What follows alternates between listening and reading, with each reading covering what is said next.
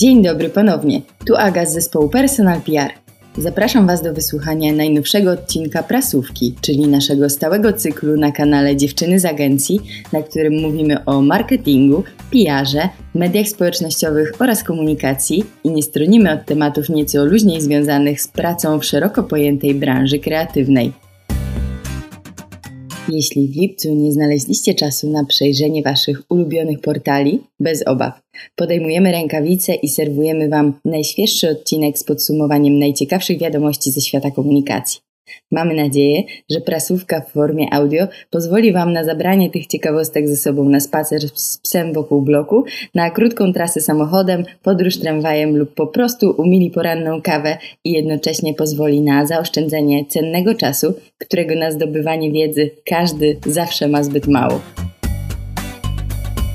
Bieg przez branżowe newsy rozpoczynamy od ciekawostki związanej z CSR-em. W serwisie nowymarketing.pl czytamy o tym, że w Krakowie sieć IKEA we współpracy z dziełem pomocy świętego ojca Pio urządziła mieszkanie dla osób, które nie posiadają dachu nad głową. Szwedzka marka pomogła też doposażyć łaźnię i garderobę, z której na co dzień korzystają osoby doświadczające bezdomności.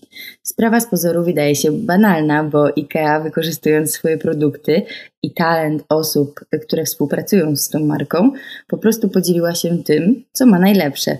Ale mówię o tej akcji, bo uważam, że to jedna z lepiej zaprojektowanych działań dużej marki wobec lokalnej społeczności, o jakich ostatnio słyszałam, bo właśnie w tej prostocie czy oczywistości działania doszukuje się sukcesu tej inicjatywy.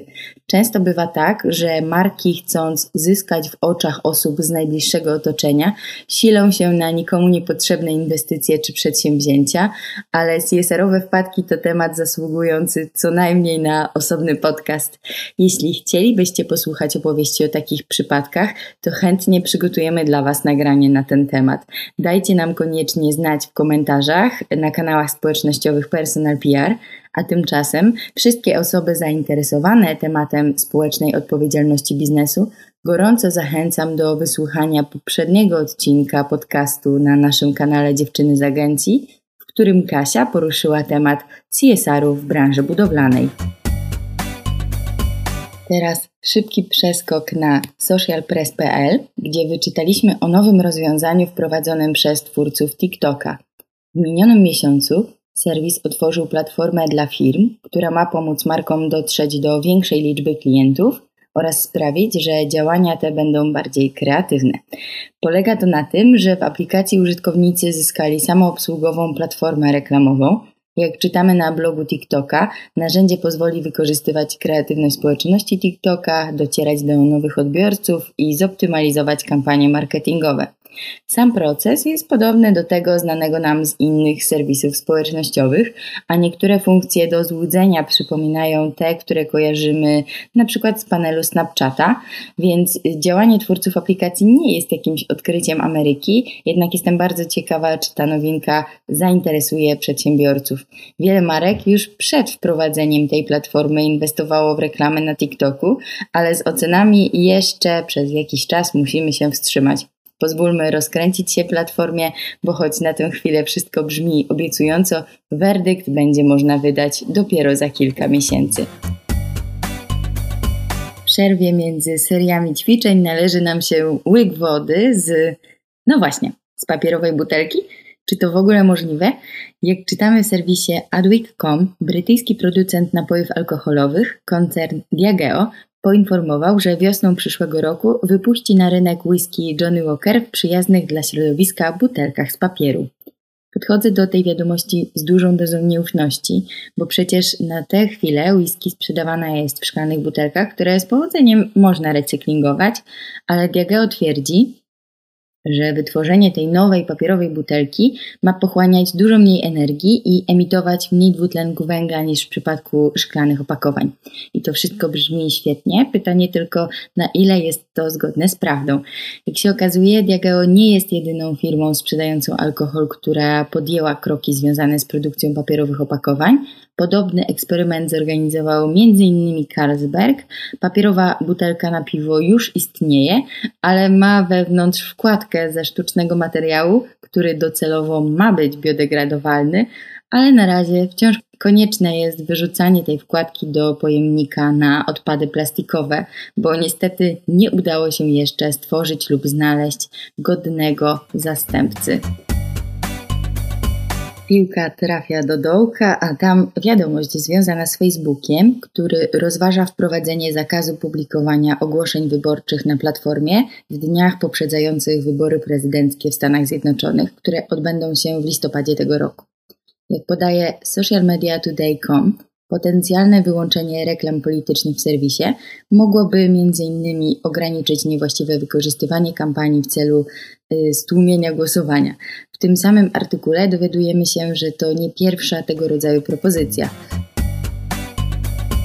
SocialMediaToday.com pisze na przykład o tym, że w grudniu ubiegłego roku Washington Post poinformował, że Facebook zainicjował pomysł okresu przerwy w dostępie do wiadomości z oficjalnych stron polityków, obejmującej 72 godziny poprzedzające wybory, jednak pomysł ten nie spodobał się niektórym ugrupowaniom. Zarówno republikanie, jak i demokraci ostrzegli serwis przed podejmowaniem agresywnych kroków w celu ograniczania reklamy politycznej. Republikanie wyrazili obawy, że niektóre z propozycji serwisu mogą w nieproporcjonalny sposób wpłynąć na reelekcję obecnego prezydenta. Źródło zauważa jednak, że Facebook jest pod rosnącą presją tego, aby jak najlepiej rozwiać obawy związane z jego politycznym podejściem do reklam tego typu. Ma to związek m.in. z krytyką z ubiegłego roku, kiedy to Facebook podjął decyzję, by nie sprawdzać faktów w reklamach politycznych. Platforma wtedy tłumaczyła, że ludzie powinni być w stanie sami zobaczyć i ocenić to, co mówią politycy. Czy tym razem obietnica zamieni się w czyny? Przekonamy się niebawem. Do wyborów w Stanach pozostało jeszcze kilka miesięcy. Będziemy śledzić dla Was decyzje twórców platformy w tej kwestii. A gdy jesteśmy już przy temacie polityki i mediów społecznościowych, to nie mogę przemilczeć tematu potencjalnego bana na TikToka.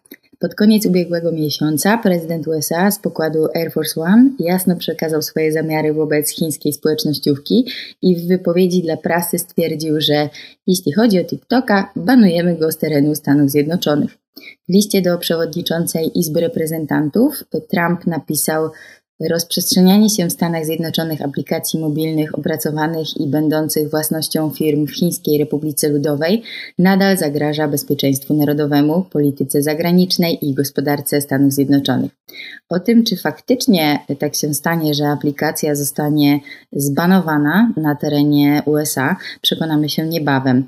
Ban na TikToka może bowiem nie dojść do skutku, bo jak czytamy w serwisie spidersweb.pl, Microsoft i inne amerykańskie firmy prowadzą rozmowy w celu przejęcia platformy w krajach anglojęzycznych. Jeśli to przejęcie się uda, Donald Trump straci argument do zablokowania aplikacji. Negocjacje z chińską firmą mają zakończyć się 15 września. A teraz rzutem za trzy punkty na prowadzenie wysuwa się kampania World Upside Down. Jak czytamy na stronie marconnews.com, na początku lipca na Piccadilly Circus w Londynie pojawiły się reklamy znanych marek odwrócone o 180 stopni. Była to część akcji Royal National Institute of Blind People. Celem kampanii zatytułowanej World Upside Down było zwrócenie uwagi na to, jak pandemia koronawirusa, a także związane z nią obostrzenia dotyczące dystansu społecznego zmieniły życie osób niewidomych. Kampania miała zachęcić do myślenia życzliwości i oferowania pomocy w razie potrzeby i jest wspierana także działaniami w mediach społecznościowych. Pod hashtagiem World Upside Down znajdziecie masę obróconych zdjęć.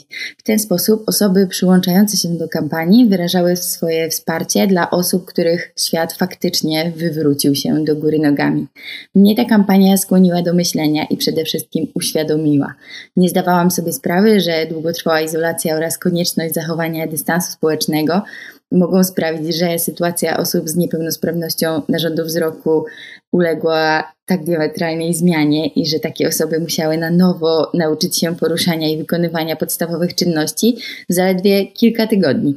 Dlatego zostawiam Was z tym inspirującym przykładem i mocno zachęcam do zapoznania się też z innymi materiałami, które powstały w ramach tej kampanii, a ja przechodzę do kolejnej internetowej akcji w słusznej sprawie.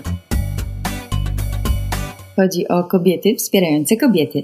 Użytkowniczki Instagrama od niedawna publikują na swoich profilach zdjęcia oznaczone specjalnym hashtagiem Women Supporting Women. W momencie, gdy nagrywam ten podcast, hashtagiem oznaczonych zostało już ponad 8 miliardów postów. Celem kampanii jest wyrażenie uznania dla innych kobiet, które okazują wsparcie i motywują do działania. W ramach wyzwania kobiety publikują swoje czarno-białe autoportrety albo po prostu czarno-białe zdjęcia z pozytywnymi przekazami i nominują poprzez oznaczenia inne użytkowniczki Instagrama, aby zrobiły to samo na swoich profilach. Ktoś mógłby pomyśleć, że to kolejny łańcuszek, ale to konkretne Instagramowe wyzwanie moim zdaniem wpisuje się w taki fajny trend pozytywności, więc jeśli tak mają wyglądać łańcuszki, to nie mam absolutnie nic przeciwko nim. A jak już o pozytywnych newsach mowa, to pałeczkę w sztafecie przejmują psiaki bezdomniaki i akcja zorganizowana przez organizację Bieg na 6 łap, której celem jest zachęcenie społeczeństwa do adopcji bezdomnych psów. Tym razem czworonogi szukają nowych domów na Tinderze. Tak, dobrze usłyszeliście, na Tinderze. Na stronie nowymarketing.pl czytamy, że obecność czworonogów na platformie nie oznacza uproszczonej adopcji. Organizacji zależy przede wszystkim na tym, aby psy znalazły ciepły kąt i nowych właścicieli, którzy świadomie podejmują tą decyzję o zaadoptowaniu i przysposobieniu nowego członka rodziny.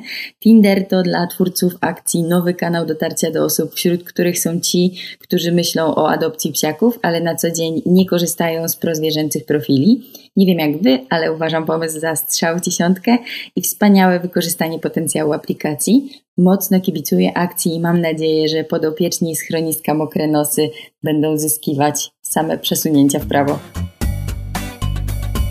Tymczasem dotarliśmy do linii mety. Bardzo Wam dziękuję za wysłuchanie tej prasówki. Następna porcja ciekawostek ze świata reklamy, mediów społecznościowych, PR-u i komunikacji pojawi się w przyszłym miesiącu. Lipcowe newsy zebrała dla Was Konstancja, a zaprezentowałam ja, czyli Aga.